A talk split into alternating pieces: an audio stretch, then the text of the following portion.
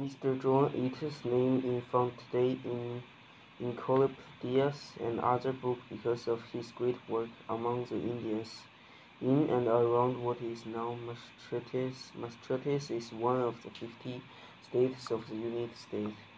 Massachusetts is the northeastern part of the United States and touches the Atlantic Ocean on one side.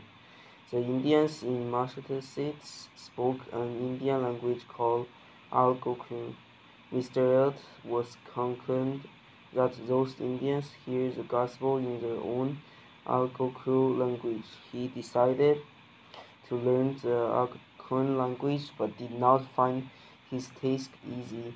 It was common for one word in the Algonquin language to express a complete thought whereas the same took many words was expressed in English. After two years of study, Mr. Eliot was able to translate the Ten Commandments into the Algonquin language. He was also able to speak some Algonquin language. He was also able to speak he was also able to speak some Algonquin. Finally, one fall day, he went to preach to the Indians in their own language. An Indian led Mr. Eliot and three other men to a walk warm miles away. There, Mr. Eliot preached one of the first sermons which had never been preached in the Indian language in North America. In the Indians listened closely to Mr. Eliot's words. After that day, Mr. Elliot kept on telling them about Christ and how he came to the earth to save them. God began to move on trust. God began to move on the hearts, the hearts of the Indians, and many of them trusted Christ. Mr. Eliot's concern for the Indians led him to begin a missionary undertaking to supply clothes and farming tools to the Indians. The Indians used the farming tools to plant and force their fields. The group of Indians became known as the Praying Indians. Mr. Eliot was generally concerned that those praying Indians have a holy Bible in their own in their uh, in their own praying Indians. Mr. Eliot, uh, Eliot was greatly concerned that those praying Indians have a holy Bible in their own Algonquin language. He spent ten years translating every verse of the Holy Bible into the Algonquin language. This task seemed nearly impossible, since Mr. Ed also stayed busy with his other missionary work. Many times, however, God helps man to complete impossible tasks for his glory. For with God all things for with God all things are possible. In all kinds of weather, Mr. Eliot visited the Indian village where he preached the gospel. Some Indian villages were as far apart as 60 mile lengths or 95 kilometers.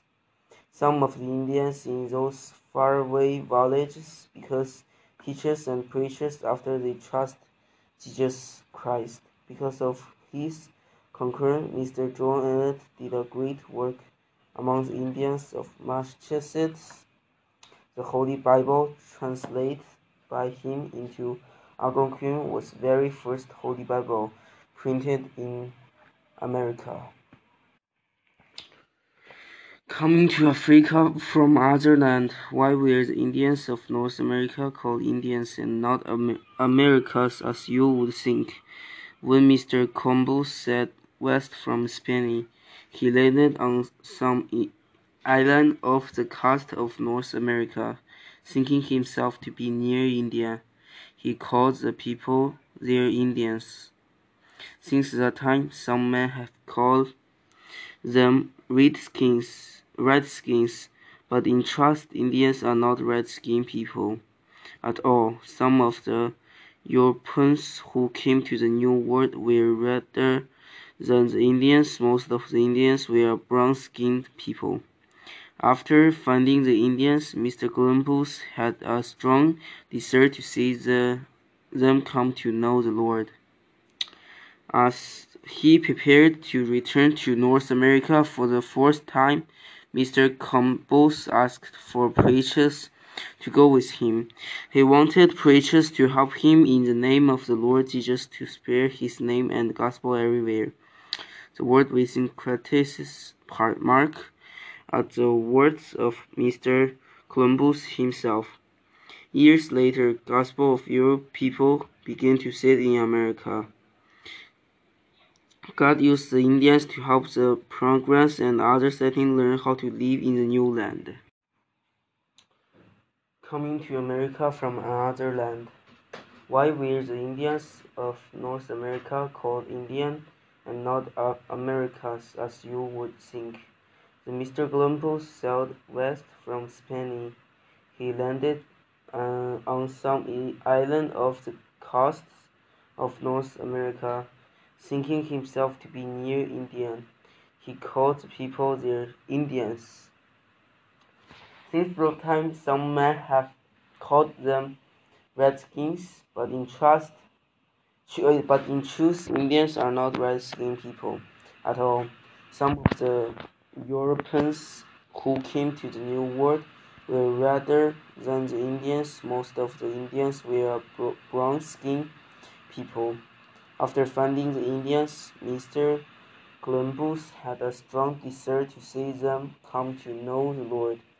As he prepared to return to North America for the first time, Mr. Columbus asked for preachers to go with him. He wanted preachers to help him. In the name of the Lord of the Lord Jesus to spread his name and gospel everywhere. The words within quotation marks are the word of Columbus himself. Year later, groups of European people began to set in America. God used the Indians to help the pilgrims and other settlers learn how to live in the new land. Indians taught the settlers how to plant and have uh, and harvest corn. One Indian Squanto became a special friend to the pilgrims and made his home among them until the he died. Scrat showed the problems how to grow better crops by placing three fish in each small hill of corn. The harvest was a good one the very first summer, and the promise were thankful to God for their crops. Mr. William Bradford was an early settler in Amer America. He wrote of how God provided for the program pilgrims and the Indians during a hot summer when little or not or no rains fell for three months. Mr. Bad, uh, Mr. Bradford taught him taught how the corn dried up and the ground and the ground creaked because because there were no cold fresh soil. Summer when little or no rainfall for three months, Mr. Bedford taught how the corn dried up and the ground creaked because there were no cold, fresh showers of rains. Mr. Bedford and the other settlers spent a day doing nothing but praying to God. Again and again, they asked the Lord for rain. The Lord was concerned with those problems and answered the prayers of Mr. Bedford and the pilgrims in his writings. Mr. Bedford used the following word to express this wonderful event for all morning and greatest part of the day. If it was clear weather and very hot and not a cloud or sign to be seen, Yet toward evening it began to rain, with such sweet and gentle showers as gave them curse of blessing God the earth was wet. Afterwards the Lord sent them the uh, Indians showers. God says in his word that he sent this rain on the just saved and on the unjust unsaved. God answered the prayers of the promise by sending them showers of rain. He blesses the Indians with the showers they needed for their dry, thirsty, thirsty crops. God showed His love and mercy to the Indians and blessed and blessed them for their kindness towards the uh, pilgrims. It was a blessing from God for the programs that the Indians were living on the continent of North America before the promise arrived, some of the early settlers. Um, and also has been used to buying much of their food had been used to buying much of their food and clothing in the store of England when they come to America. They had to grow all their food and make all their own clothes, clothing. The Indians were able to help the settlers learn how to use the natural resources, land, water, plants, and animals around them. We know that the programs and other early settlers came to North America by boats. How did the Indians got in North America and when when was their homeland? No one expected God really knows the answer. It is commonly thought that Indians living in Asia moved to Siberia. Siberia is on the north-eastern part of the continent of Asia land.